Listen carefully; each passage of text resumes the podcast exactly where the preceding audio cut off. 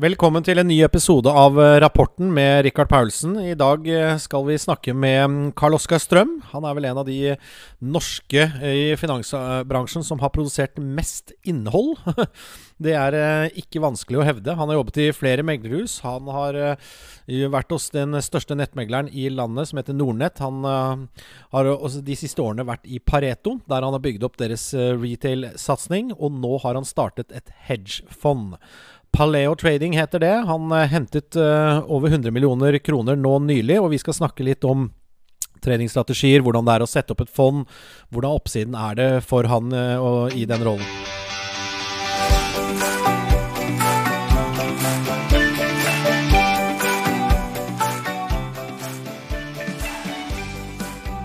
Denne ukens reklame for Gjespås er en ubetinget oppfordring om å følge dem på ulike sosiale medier. Gå på Instagram, og følg de der. Twitter, Facebook. Gå inn på Discord og søk opp uh, Yesboss-klubben, eller gå på shownotes til uh, denne episoden, og da vil du finne linker som får deg til rett sted. Da setter vi i gang med episoden med Karl Oskar Strøm. Ok, du har startet eget hedgefond. Vil si at det er et multistrategifond du, du har startet. Er det det du karakteriserer det som? Ja, jeg bruker begrepet hedgefond egentlig fordi det er det ja. som er mest eh, kjent. Men du kan si det er et uh, paleo fund, som det heter. da, er Et fond som har et bredt uh, spekter av, av, strategier. Egentlig et ganske fritt mandat. Men i praksis da, så kan jeg innenfor uh, en ramme som er for så vidt et mandat jeg har satt opp selv, gå uh, long og short eller være cash mm. og ha eksponering på enten fra null eller inntil pluss-minus 200% av eh, egenkapitalen. Eh, og så er det visse risikostyringsparametere som ligger rundt det på eh, hvor mye risk man allokerer til hver enkelt posisjon. Men, men i bunn og grunn så, så, sitter jeg jo, kort fortalt for folk der ute egentlig, omtrent i samme stol som en privat trader, men med mer penger og tilgang til mer avanserte verktøy. Ja, så, og det er, det er, på en måte det som er litt sånn standard for Hedgehog, at man kan gjøre andre ting enn bare da long only, da, for de lytterne som ikke liksom er, er, i, i den verden der. Så, men, men du, du, har gjort mange ting i livet ditt, og jeg syns jo det er liksom gøy med det paleo-trader. Altså, hva, hva, kommer liksom ordet paleo av? Er er liksom er det trening å spise sunt, eller altså, Og du tar videoer i skogen. Jeg syns alt dette er kjempe, kjempegøy, da. Men uh, fortell litt om ideen? Ja, det, det, er, eh, det, er, eh, flere grunner til alt det der, egentlig. Jeg hadde eh, begynt for en stund siden å skrive en bok, og den hadde hatt flere titler underveis. Jeg vurderte å kalle det 'Dynamic Trading Strategies'. Det høres jo ekstremt kjedelig ut, det er ingen som vet hva det betyr. Eller hva med 'High Frequency Interval Trading'? Eh, så for så vidt det kunne være interessant. Akkurat der følte jeg at eh, blodpumpa mi steg litt, men uh... ja, ja, ja, ja, ja. Men så, så, slo det meg at jeg liker liksom å spole litt ut og se på en måte hva det man egentlig gjør. da, og Paleo refererer jo bare til paleolithic, egentlig, som er på en måte den eldre steinalderen, altså tiden før jordbruksrevolusjonen. Uh, tiden, altså mens mennesket levde som jegere og samlere. da. Mm. Eh, og når jeg så på mine uh, tradingstrategier og måten man kunne angripe markedet på, så kunne man egentlig dele det i enten om du var jeger, dvs. si jeg ser på chart, går og leter etter situasjoner å, å, delta i, eller du er samler. Og det er jo når du da liksom går i skogen og så finner du en busk med modne bær. Uh, og, og, i markedet så er det også sånn at hvis du sitter og følger med, plutselig så skjer det ting. Det kommer en nyhet, det kommer uh, en prisbevegelse der. Hvis du er der akkurat da, kan så det er liksom den type oppsett som jeg bruker. Og man kan jo også se at disse jegeroppsettene er jo mye større. Da. Der bruker man mye mer kapital og ofte er litt mer langsiktig. Mens uh, disse samleroppsettene er jo, er jo mer det vi kan kalle kvantitativ intradag trading. Uh, ofte å gå motsatt vei på store kursutslag. Uh, bare på riktig, riktig tidspunkt. Så, så det, det, er utgangspunktet for de to måten å se det på. og Da, og da kaller jeg det for, for paleo trading. Boka heter jo 'Paleo Trading How to Trade Like a Hunter Gatherer'. Den ga jeg ut på Amazon i, i februar. Og så startet jeg da i mars uh, The Paleo Fund, som, i bunn og grunn uh, forvalter kapital. Har hentet inn kapital fra profesjonelle investorer i Norge. Og så, så forvalter vi etter de grunnprinsippene som står gjengitt i den uh, boka.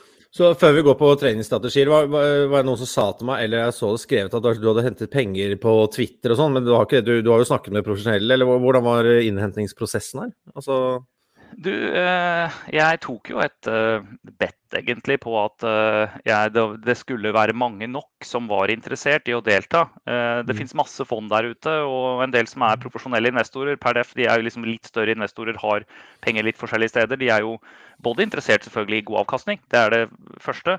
Men de er jo også ute etter å være med på litt andre ting enn det som de har fra før. I stedet for å ha bare nok et long only-fond og nok en sånn sektor du må ha trua på. i anførselstegn så, så, er dette her å ha troa på en, en, strategi. Og så investerer man jo sammen med meg. Da. Jeg legger jo alle mine mm. penger og all innsats i dette her. Ja. Så, du, har, e, du, har, egne penger i fondet? Ja, jeg har. Ja. Ikke, det er jo ikke så mye, men det er det jeg har, liksom. Så, ja, så det er, det er man, man, har et interessefellesskap, og dette er jo det jeg planlegger å gjøre på en måte resten av yrkeskarrieren nå. Så vi har akkurat eh, startet opp og, og kommet i gang. Men det stemmer det at eh, vi hadde ikke noe utadretta virksomhet egentlig i, i, det hele tatt. Jeg gikk ikke rundt og banka på dører til investorer. Vi hadde innkommende interesse og fikk fylt mm. opp fondet med, med tilstrekkelig til å komme i gang på, på det. Og så mm. tror jeg hvis vi da Da er det opp til meg å levere OK avkastning, OK eh, risikostyring på fondet. Og så, så, blir det da en ny runde til neste år, vil jeg tro. Mm. Kult. Vi skal, vi skal, tilbake til liksom hvordan eh, kalkylen for et uh, fond, og det er sikkert mange der ute som, som både drømmer om og har lyst til å sette begge fond. Men, men snakk litt om investeringsstrategiene. da. Liksom, hva, har, har, du noen konkrete strategier som du har solgt inn, eller som du, som du følger? Alt hva, hva, hva er liksom mandatene som du jobber etter? Ja, altså Man kan jo eh, dele det inn i, i på, på, mange måter. Eh, du kan si Hvis en, eh, hvis en tar det overordnede, da, så, så, så, er jo det strategier som for så vidt er beskrevet i boken, og du har dette jeger-samler-oppsettet. Men i, i, praksis så bruker jeg jo da trendstrategier og det jeg kaller for kan du si, Hovedprinsippet mitt er selektiv deltakelse. Da. Det høres jo litt sånn rart ut, men det betyr i grunnen at jeg, jeg, eh, som en jeger også, et rovdyr, da, kan du si, sitter jo altså En løve ligger under treet sitt på savannen og ser på gnuer og antiloper gå forbi helt til han ser en mulighet. Han løper jo ikke rundt som en sånn der klovn og, og, prøver å gjøre noe hele tiden. og Det er den fasen jeg nå egentlig er i også. Jeg er kommet litt i gang, jeg begynner å bruke nye verktøy, eh, og så finner man ut at eh, det egentlig er en fryktelig god strategi. I stedet for å prøve å lete etter ting å gjøre hele tiden, så må jeg ta litt større posisjoner når jeg kan det. Eh, og ofte så er jo det da når jeg ser spesielle muligheter i, i markedet. Eh, så er det litt sånn småtrading underveis, eh, bevares. Men, men, sånn som her forrige dagen, for eksempel, så var jeg da nærmest cash når du fikk den rentebeskjeden i, eh, i USA. Børsene, Nasdaq mest som jeg fokuserer på, da falt akkurat til et godt teknisk støttenivå. Da gikk jeg fra null eksponering røftlig til 100% eksponering i løpet av noen minutter. Det kan man gjøre ved å handle da index futures. Eh, og, eh, og eh, fikk et, et, rykk opp som gjorde at da hadde man beste dagen som jeg har hatt i fondet så langt liksom, på, på, det der. Og tok jeg da hovedsak index futures, men også litt krydder med noen, noen høybeta, kan du si, ETF-er. Nå er vi ute på liksom frisa, men hvordan, liksom, hvis, hvis, man la oss si at man tjener prosent halvannen, eller hva du gjorde på akkurat den traden, da. Mm. Er ikke det bra nok på en måned, f.eks.? Altså, eller hvordan tenker man som fondsforvalter? da? Altså, Jeg har investert i aksjer i, i mange år, jeg. Og, og, alt man trenger er jo liksom 1-2% i måneden, så er jo alt kjempebra, hvis du skjønner. Altså, Tenkte du at ok, nå har, jeg, nå har, jeg, gjort liksom avkastningen min denne måneden? Liksom, egentlig så kan man si eh, det, ja. Uh, og jeg tror jo at uh, Nå har for så vidt ikke performance vært noe sånn voldsomt så langt. da Vi har hatt to Jeg skri, sender jo ut sånne månedsbrev som man mm. for så vidt kan abonnere på på siten vår. Men mm. jeg har hatt, tok jo alle kostnadene ved oppstart. Det kommer jo litt tilbake til hva, hva ting koster. og så har jeg fått dollaren imot. Nå har jeg plutselig fått dollaren andre veien mm. igjen jeg har en del kroner stående i, i US-dollar hos en amerikansk megler. og det er klart eh, Når den gikk fra 8,50-ish, som var det vi veksla på, til 8,20, så trekker det en del ned. Nå har det gått opp igjen, så vi ligger liksom Du får ikke den minusen der lenger. Eh, men ellers så har du rett i det. altså at, eh, at hvis man klarer å på, kan si på småtradingen da, som jeg gjør, så prøver jeg å passe på å ikke ta posisjoner hvor jeg, altså jeg prøver å passe på å ikke ta på penger. Man prøver å tjene. Det, det, gjør man litt. Så småtrading dekker kostnader og, og kan over sum, sum gi, gi, positivt. Og får jeg flere ansatte etter hvert, så vil det bli flere som driver med den type ting som det der. Men jeg ser jo at det er det å ikke være i markedet hele tiden når det da kan du si på disse daglige svingningene, men å prøve å plukke én eller to av de litt større fruktene, det er godt nok, det. Da kommer det til å bli et veldig bra resultat. Jevnt over hver måned. ikke sant? Du trenger ikke mer enn en prosent halvannen eller et eller annet. Sånn, Nei, en, I sum så vil det jo være noen måneder hvor du har uh, ingenting. Man prøver å ikke ha noen store minusmåneder. altså Kanskje man har noen måneder hvor det kan bli litt skikkelig pluss. Så jeg satt jo og, og tenkte på det når jeg hadde gjort den traden her forrige dagen. Altså, hvorfor dro jeg ikke på mye mer? Hvorfor satt jeg ikke litt lenger? Men Det er detaljør, da, men, men ikke sant? Det, det, var Nasdaq som gikk, og så samtidig falt det kraftig på en del andre ting. Så jeg følte at liksom, dette er ikke et sånt massivt drag i markedet. Jeg skal sitte litt forsiktig. Mm. Så er den type betraktninger da, så Jeg vil liksom heller på en måte sikre at man faktisk får med litt, enn, enn, også, enn også lukke øynene og legge meg med store poster, og så ser du mm. ting gå i Vet ikke hvor du valgte den dagen etter. Ja. Men ok, men eh, du, du, har et mandat, det er noe du, liksom, på en, måte en strategi du har solgt inn. Eh, du vet at markedet endrer seg jo hele tiden. Det er jo sånn mm. Hvem visste i fjor at vi ikke gå inn i kjempebullmarked nå, eh, der liksom Reddit-mafiaen skal liksom gjøre seg gjeldende? Liksom altså, Ting endrer seg. Eh, er mandatet ditt satt opp sånn at du kan endre deg sammen med markedet? Altså, er du, Hvor fleksibel ja. er du? Nå er jo Mandatet er å være fleksibel. Ja. Så uh, i bunn og grunn så er det det. Jeg kan ligge long, jeg kan ligge short, jeg kan ligge uten eksponering, og man kan gjøre en masse småtrades som er liksom urelatert til markedsretning, egentlig. Så, så, det er meningen her. ja, og det er klart at Akkurat nå så har man jo hatt en periode hvor, hvor long only-fond, og gjerne de som har vært i biter av markedet som har vært veldig hot, har fått et kraftig løft opp. Uh, dette er jo ikke den type fond jeg er i. Men bevares, jeg ønsker jo å prøve å få med meg en del i sånne perioder. Nå har det vært siden jeg ble fullt klar egentlig etter påske, så har jo egentlig ikke indeksene beveget seg fryktelig mye. Nei, det har vært en av de mest stille periodene, tror jeg. Så jeg på to år de siste to ukene. Det har vært sånn SMP av minimale utslag. Altså, ja. Ja, så, og da er det Når du sitter og trader, da, så prøver man å fange disse dragene hvor ting skal dra litt. Så, så, så er det liksom sånn alltid klar, ferdig, stå i stedet for klar, ferdig, gå. Eh, og, og, du føler deg litt at du har vært inni en sånn vaskemaskintrommel, ikke sant, hvor du bare har gått rundt og rundt. Men som sagt, da prøver jeg å passe på da at man ikke jeg skal prøve å tjene, men man passer på i hvert fall ikke tape. Ja. Nei, bare lite innspill der. Altså, hver gang jeg uh, taper penger, eller altså, så befinner jeg meg i det som jeg kaller choppen. Det er sånn du, jeg tror du bryter, så gjør du ikke. Og så ja. går det ned, så gjør det ikke. Og så plutselig Nei, faen, vi er jo i en tight range. Og da, det er bare dødsvanskelig. Liksom, altså, du, choppen, som jeg kaller det. Du bare blir ja, hugd til fillebiter. Liksom. Og det, det, det, det jeg har vært i en del, hvor, liksom, hvor man mm. da har gått, uh, gått, på med ganske stor eksponering, og så har det blitt en sånn 0,2 stopp liksom uh, mm. ned igjen i stedet for Men det blir, uh, det blir en del, ikke sant. Så, ja. så, så, så det, det, stemmer, altså. Det er akkurat den der perioden. Gøy at du kjenner igjen det. Det håper, håper jeg alle gjør. Men, gjør det. det er sånn Nei, det rykker ikke. Det har to uker. Greit, ok, det kommer ikke til å skje når vi venter. Men eh, det er grad. Er, det er litt om treningsstrategiene, litt om der. Denne poden dreier seg om å tjene penger, om det er en investeringsstrategi der eller ikke. Hvordan er det å drive et fond? Hva er kalkylen? Liksom, hvis det er sikkert mange der ute som syns at dette er veldig veldig gøy, har lyst til å starte selv. Jeg vet at uh, barrieren for å gjøre det liksom, kanskje har blitt litt mindre enn for ti år siden, men fortell kalkylen. Hvordan er, hvordan er det du tjener penger på dette? Du, For eh, min del så er det eh, Jeg kan spole bitte litt tilbake. da, man, Det var når jeg, inn, altså jeg så på hvordan kunne dette gjøres. Eh, og snakket litt med folk i nettverk. Og jeg vet at det fins jo sånne hedgefondsystemer der ute også som kan levere nøkkelferdig hedgefond. Du, du bruker ikke sånn hedgefondhotell? Nei, jeg gjør ikke det. Men hvis man har en del kommittert kapital fra, fra, investorer, så kan det være noe å se på. Og Så spørs det om man liksom vil gjøre ting i Norge eller, eller om man vil bruke utenlandske. Det fins løsninger for det. Men det jeg gjorde, var egentlig å gå uh, til et advokatfirma som uh, hadde noen advokater som, som har for så vidt sittet og vært med og skrevet loven som regulerer dette her i, i Norge. Da, den såkalte AIF, eller Alternative Investment Fund-loven, som jo er norske varianter av EU-regler. Og uh, med det teamet der egentlig, så, så fikk jeg gjort uh, alt, uh, inkludert investorkvalifisering og alle sånne ting også. og Da var det liksom et stempel på det, hvor, hvor alle visste, inkludert alle motparter, meglerhus og alt mulig, visste at dette var et helt uh, vanntett opplegg. Mm. Alt var Ordnungssign, eh, sign, eh, som mm. tyskerne sa en gang i tiden. Det var eh, til og med en Når jeg skulle opprette konto hos en av de store bankene her i landet, bankene og meglerhusene, så kan folk gjette hvem det er, men så ble jeg jo kontakta av deres sånn anti-money laundering-ekspert, og så liksom lurte på om jeg hadde materiale som var sendt til for Know Your Customer-materiale sånn som var sendt til kundene. Ja, sa jeg, jeg skal sende hele pakka. Så ringte hun da og sa at jeg var oppriktig glad når jeg fikk se dette her. så sa jeg ja, du er nok den eneste som har vært glad når du har fått den pakka. Nei, Vi som, vet, vi som har jobbet i meglerhuset sånn, vet jo ja. hvor, hvor, omfattende dette er nå. ikke sant? Men, men, det var bare OK. Man måtte få fagfolk til å gjøre det, gjøre det ordentlig. Det kosta 1% liksom, omtrent. Og vi har inkludert revisorer og alle mulige ting. Og det er jo i forhold til Back in the days så var jo 1% tegningsprovisjon var jo vanlig. 2% var vanlig, liksom. Så, så det at det Men for min del så var jo det Det spiste av fondets kapital når man startet opp.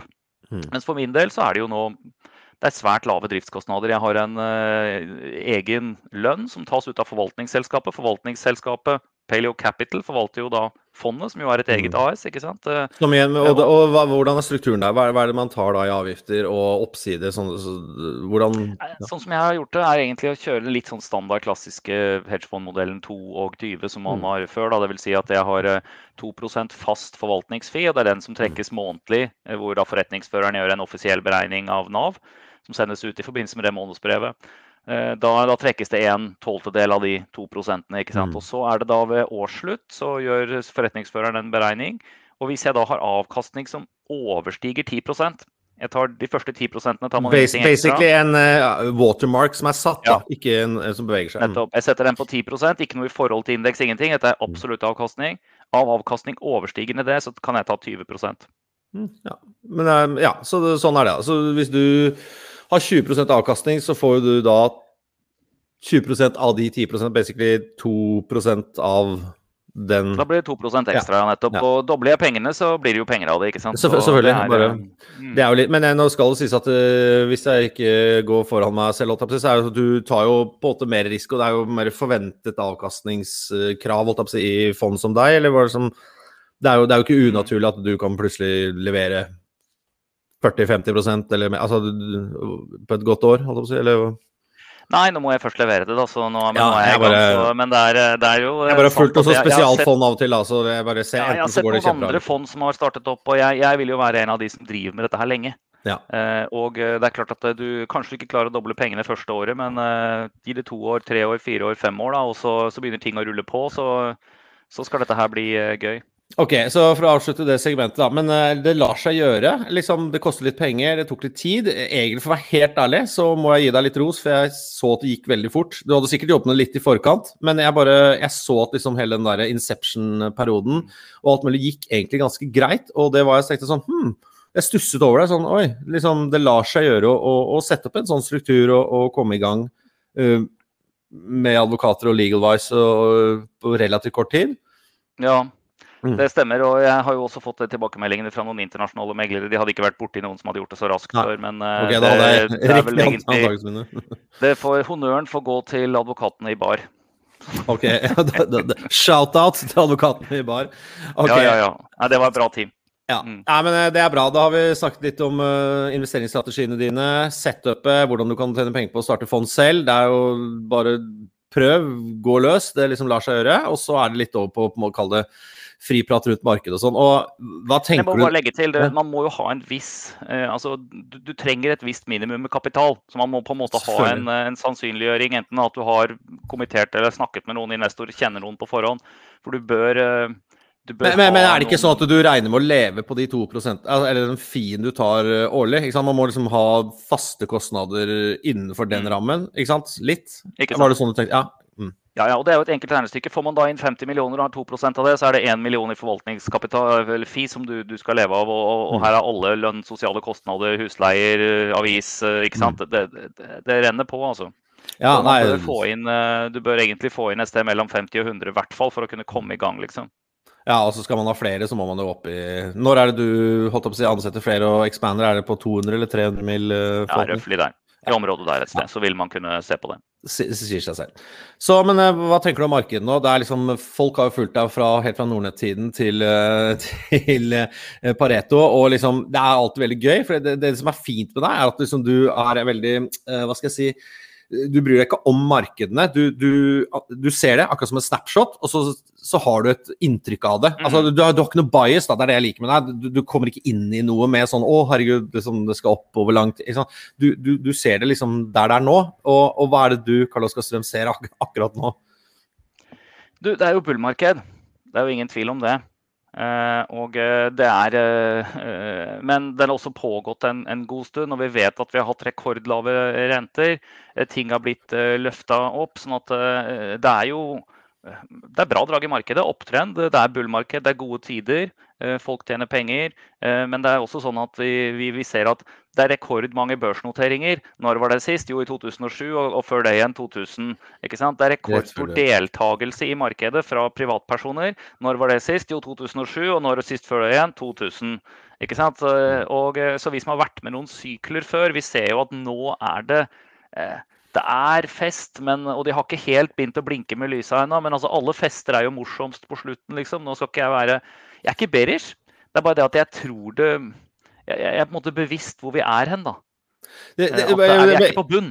Nei, men jeg, jeg liker det. for Poenget at jeg er jo sånn evig bull. Det er fordi livet er bare bedre når du ser fra mine prismer. Nå er jeg kommentator, ikke investor i den, din grad.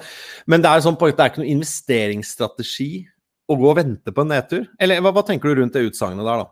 Er, hvis du skjønner hva jeg mener? Altså, vi, vi, har jo vært i en, mm. en god greie altså, det, det, er jo mange som er sånn Å, ja, det kommer til å kollapse, eller liksom det faller. Men det er jo ikke noe ja, nei, du, du det er ikke noe strategi. Hvis man sier noe sånt. Nei, det er ikke noe strategi, syns jeg. Og, mm. og, for min del så er det Jeg er tekniker, kvantitativ. Det er mm. price action. altså det Prisoppførselen forteller meg når dette her eh, topper ut. og mm. eh, Det man ser, er jo at markedet egentlig er ganske smalt nå. Og for min del så, så er det sånn at jeg handler veldig lite på Oslo Børs, rett og slett fordi jeg liker så godt å kunne og det er jo strategien å kunne gå ut og inn kjapt. Mm. Eh, det kan jeg gjøre i index futures, men jeg kan også gjøre det i, i, europeiske og amerikanske, til en viss grad noen svenske og danske aksjer.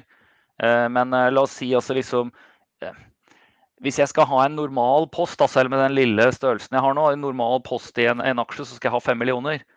Ikke sant? Og, og, og prøv, å, prøv, å, kjøpe det i, i, Golden Ocean uten å flytte kursen. Mm. Ikke sant? Det, det, går ikke. Mens i Apple kan jeg gjøre det sånn. Og på futuren kan jeg gjøre det med 50 millioner. Sånn. uten okay. å nå, er vi, nå er vi inne på et uh, morsomt tema. så du, så du, vurderer også investeringsalternativene etter de kriteriene. Det må man jo gjøre, selvfølgelig. Uh, ja, alle ja, ja. fond gjør det. Men, men, i og med at du skal være så rask altså, Det er jo mange fond som kan kjøpe Golden Ocean. Du kjøper det over tid eller over flere dager eller whatever. men men eh, det er en kriterium som du setter høyt? Å, kunne... Ja, for det er, det er, tid og pris. altså Jeg vil ha den uh, Det er klart det går an å kjøpe Golden Ocean for fem millioner, det er ikke ja. noe vanskelig. Men, eh, men det, er, det, er, å kjøpe den uten å flytte prisen noe særlig, raskt. Uh, det, det, går ikke. Så, så, for min del, det er masse strategier der ute, men for min del så er det litt den måten jeg jobber på. da, og uh, Jeg merker det at hvis jeg sitter på poster og de ikke flytter seg, så, så, blir jeg litt sånn sliten. Jeg ønsker egentlig å ha de når det er hva det, man kan kalle det for noe active sequence. Jeg ønsker å være mm. der når det beveger seg. Ikke komme etterpå eller vente eller håpe eller ha tro på noe. Jeg kan sitte og vente et par dager, men ellers så, så, så prøver man å fange opp kan du si, ting i mm. bevegelse. da. Ja, og Da ser man på både volum og pris, eh, selvfølgelig. ikke sant? Ting, ja, ja, ja. Ja, men det er bra. Men hva er det enkeltaksjer og sektorer som du liksom følger ekstra nøye akkurat nå? Det er, liksom, dette er jo en, eh, det er ikke en dagsaktuell eh, pod, men det er sånn ukesaktuell, la kalle det det. liksom, hva, hva syns du liksom, Er det noen som utpeker seg? Jeg følger jo de store likvide som andre følger liksom eh, også, men, eh, men eh, også har jeg tatt med meg litt av det norske perspektivet ut. Så jeg, jeg følger jo f.eks. når du ser på oljeselskaper og oil service på Oslo Børs, så, så, er det masse selskaper av de notert på andre børser også, og, og ETF-er som har den, de sektorene. Mm. Det kikker jeg på. Men ellers, det jeg, det jeg ser mest på, helt åpenbart, er tech. Eh, tech og kan du si vekstsektor. Litt biotech, den type mm. ting òg, men, men, gjerne ting som, som er innenfor teknologi og teknologitemaer. Eh, og det også har en kvantitativ grunn kan du si, og fundamental. Du har over tid, over det, det tenker jeg ikke bare de siste årene, men altså liksom 50-100 år. Det er der du har hatt den sterkeste veksten, det er der de nye tingene skjer. Men eh, det er også der synes jeg, hvor man har en del av de selskapene som har på en måte størst eh, daglige bevegelser da, i forhold til, til eh, at det kan være aktuelt å handle på. Og så handler jeg jo da uh, Den som liksom er øverst på lista mi, er jo selve Nasdaq-indeksen, da kan du si. Men da handler jeg Nasdaq Futures. Jeg vet at du kan handle ETF-er og sånn på det også. Men uh, har man muligheten til det, så er jo de er det ikke er QQQ, eller handler det selve futuren? Altså derivatmarkedet? Jeg handler futuren. Ja, så du kan si de, de, de, som sitter og styrer ETF-ene, de handler jo futures. Ja, ja, nei, I know. Ja. Så, så, men dette vet jo folk ikke. Jeg, jobbet i Handelsbanken for mange år siden. Da hadde jeg gleden av å sitte på pulten ved siden av han som styrte OBX Bull og Bear og OBX-ETF-en deres. Ja, de, de var de som introduserte det, stemmer det? Ja, ja, det var da jeg liksom Ja, for det var jo eksakt fonder jeg eide Handelsbanken. Eh, og da var det marketmaker i Oslo den gangen, og, mm. og da lærte jeg jo mye. Altså, så spurte jeg det, hvorfor handler ikke liksom andre et, Hvorfor handler ikke de futuren? Den gangen var det OBX-futuren, men uh, Nei, kjente ikke til det. Eh, det er ingen som gjør, Men dette er jo et kjempemarked internasjonalt. Det er jo der den store likviditeten er. Mm. Og da stiller du, når du handler future, så stiller du margin basically, da. Så det er sånn By nature så er det jo gira, men du tar notional der, er jo det du ønsker å ha at ja, risk. Jeg ser, liksom. på, ja. jeg ser på det beløpet jeg kjøper for, egentlig. Ja, Men du kan si nettopp. sånn som fondet nå, da, når det er på på ca. 74-75 millioner, så, så kan jeg også med, med ett klikk på skjermen her sånn, og det tar akkurat ja, kanskje Mm. tre sekunder, da, så kan jeg gå fra null i eksponering til å ha 100% eksponering på de 70 millionene med å handle i futuren. Ja. Ja, men det er veldig kult. Eh, Jeg vet det går mot slutten her. Du skal en lunsj i, Oslo etter hvert. Eh, Vi må, vi må runde av litt med noe krypto og litt andre ting. Hva er ditt forhold til bitcoin og kryptovaluta? Du, jeg eh, ser på det som Altså, det, det er mange ting. Dette kunne man Man får lyst til å åpne en flaske vin nesten og snakke litt når man hører om, om, om det, men, men jeg, jeg i fond, fondssammenhengene så ser jeg på det som en hvilken som helst annen uh, asset Du, du kan handle bitcoin hvis du liksom tror at det kommer til å mitt mandat så kan jeg handle det, men jeg handler ikke da i kryptomarkedet direkte. Jeg handler disse såkalte futurene. da, En som er listet på Chicago-børsen, som er da per nå på bitcoin. Den er mest likvid. Og så er det Ethereum. Begge de to. Eh, Og det var for så vidt jeg skrev når jeg jobba hos en tidligere arbeidsgiver. Jeg skrev en artikkel som het 'Drømmemynten' om bitcoin eh, i 2017. Den ble aldri publisert, for vi fant ut vi skulle ikke ha noe mening om det. Men eh, det var jo da i forbindelse med Da handlet bitcoin rundt 17 000, og så skulle da eh, man lansere bitcoin futures. Og jeg kikka på, på, på kan du si, kontraktspesifikasjonene på dette her, skjønte at dette her var en herlig mulighet for folk til å kunne lasse ut, ta, ta gevinst på long-posisjoner uten å ta noe risk. Og i forkant så fikk de jo til og med Det var en del skriverier om det i kryptoverdenen. For det var flytting, altså sånne såkalte hvaler som sitter på veldig store posisjoner. Det var noen av de som flyttet sine posisjoner, men det kunne ikke registreres at det var solgt. Og jeg som satt der i et meglerhus, ja, det flyttes jo inn på liksom pantsatte konti, ikke sant? Så, så kunne du selge futuren i stedet for, og, og så hadde du egentlig ingen risk. for Hvis, hvis bitcoin Ja. gikk, så, så kunne du bare selge det imot. Og så var det cash-oppgjør på futuren. Nydelig. Så, så du kunne jo virkelig gjøre Men, eh, men, men det var eh, Nå har det jo blitt et annet marked. Det har gått litt tid, du har fått en ny høyere topp. Det er, et det er en spennende greie, og jeg synes jo også, jeg vil nevne bare det poenget at eh, Røkke for så vidt i sitt investeringsbrev hadde jo et godt poeng som jeg ikke hadde tenkt på før. men at for Nå begynner man jo å få distribuert kraftproduksjon mange steder som jo egentlig må mates inn i nettet til og med med negativ verdi noen steder. Eh, Og da kan jo faktisk eh, bitcoin og mining av krypto være et slags økonomisk batteri. altså Hvor du kan, eh, kan bruke den der presumptivt gratis eller ekstremt billige kraften til å skru av og på deltakelse i det markedet. Så det er liksom Litt, litt, litt sånn for lytterne. Jeg, det er jo en av de tingene jeg har jobbet mye med de siste to Ja. årene. Både på BizDev-siden og andre. Jeg har jo snakket med da kraftprodusenter i Norge, eh, og vannkraftprodusenter. I fjor så var det da fire måneder med minuspris på kraften. Basically lot du bare vannet renne gjennom. Eh, mm. Altså det var mer kostbart å sette på turbinen. Eh, og flere av de lurer jo på da sånn OK, hvis vi hadde hatt en bitcoin-miner, så kunne vi jo bare switcha. Men det du, hvis du skaper et gulv, da, altså du har Du vil alltid få en Mm. pris for kraften din, så vil jo kalkylen for å lage nye kraftverk eller eh, sol eller vind vil jo få en annen struktur, da. Altså det blir en annen DSF på det. Eh, så det er, det er litt interessant. Men det er jo ikke tvil om at det bruker kraft. og det som har tatt litt brodden av det nå, mener jeg, da, siden påske, er jo at han og Elon Musk går ut og sier at vi kan ikke gjøre det pga pga. miljøvern. Så det fjerna jo på en måte ikke sant? Hvis du sitter som corporate og vurderer å sette bitcoin på balansen din, Mm. så er det sånn Skal du ta finansiell risiko, eh, teknologirisiko og miljøvern og renommerisiko Det begynner å adde opp med liksom et sett med ting som gjør at det er vanskelig for deg å gjøre det. Og han tok brodden av den, eh, hele den greia der, faktisk. Ja. Eh, ja. Så nå blir jo Kraftproduksjon er jo på vei mot å bli uh, ren, og det der er Mm. et stort uh, tema. Og, og jeg syns jo egentlig man kunne gjort andre ting. Altså, det burde jo ikke være lov å forurense, det er det jo ikke en del andre steder. sånn at Grunnen til at mye av oljeproduksjon ser lønnsom ut, er jo at du ikke betaler for din forurensing. Ikke sant? Eh, Dette her er jo, Hvis du hadde pålagt da, eh, oljeselskapene at det skal eh, på det du selger, det det gir av utslipp, ikke bare utslipp til produksjonen, men utslipp ved forbruk, at prisen skal, altså det også skal betale rensing, at du skal putte en tilsvarende mengde karbon tilbake i bakken, Mm. da ville du sett hva det egentlig kosta. Ah. Ikke sant? Mm. Så, Er helt, og det er jo mulig, det er mulig å dra karbon ut av dette her. Det bare sier det er ikke lønnsomt. Ja, nei, men det, det er det det koster. Hvis du skal være Ja. i null. Ikke sant. Så, men det som er gøy, da, at, fordi mm, vi er jo begge på liksom, finanstwitter og frem og tilbake og tjoei, og så er det alltid sånn kamp mellom liksom, de som er sånn klin gærne kryptokarer og der. Men jeg har alltid sett på deg som sånn åpen, men ikke liksom Du har ikke noe verken fordom eller ikke. Du ser det på sånn asset class. Er det interessant eller ikke? Er, er det riktig antakelse fra min side? Ja, det, det, er helt riktig. Og, og, jeg eh, ser på det i forhold til fondsplasseringene. Så, så, ser jeg på det som det, det, er ikke noe jeg bruker mye tid på, men, men, du kan si av alt jeg kikker på, og jeg har det chartet oppe rett ved siden av meg her hver dag, ja. så er det, det er den asseten, da tenker jeg på bitcoin, da, som har mm. størst daglige svingninger. Eh, av de jeg kikker på. Så kommer vel olje etterpå, og så har du Nasdaqen og, og litt sånne ting. Eh, men, eh, men, den har veldig store daglige svingninger. Mm. Og, men, men, det kan være litt spredt likviditet. Så, så, så, jeg mm. tenker på risk, rett og slett. Jeg regner jo om dette som risikoenheter. Kan jeg få en god inngang, enten på en long eller short, og ta en trade, så gjør jeg det av og til. Men sånn som det er nå, så synes jeg egentlig både den og i kanskje enda større grad Ethereum ser ja. tung ut. Liksom. Sluskete. Men uh, litt sånn avslutningsvis her, da. Vi må innom det. Jeg bruker masse tid på olje. Det er, det, det, det, er, veldig spennende. Grunnen til det er at det er liksom så utbombet. Det er så liksom hatet sektor, egentlig.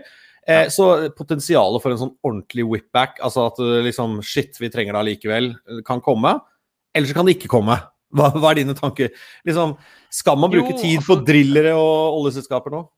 Det er jo eh, litt sånn paradoks, da, for så vidt, men det at, eh, at, olje blir mindre populært, det blir lett vanskeligere å funde alle de greiene der, det blir færre som produserer det.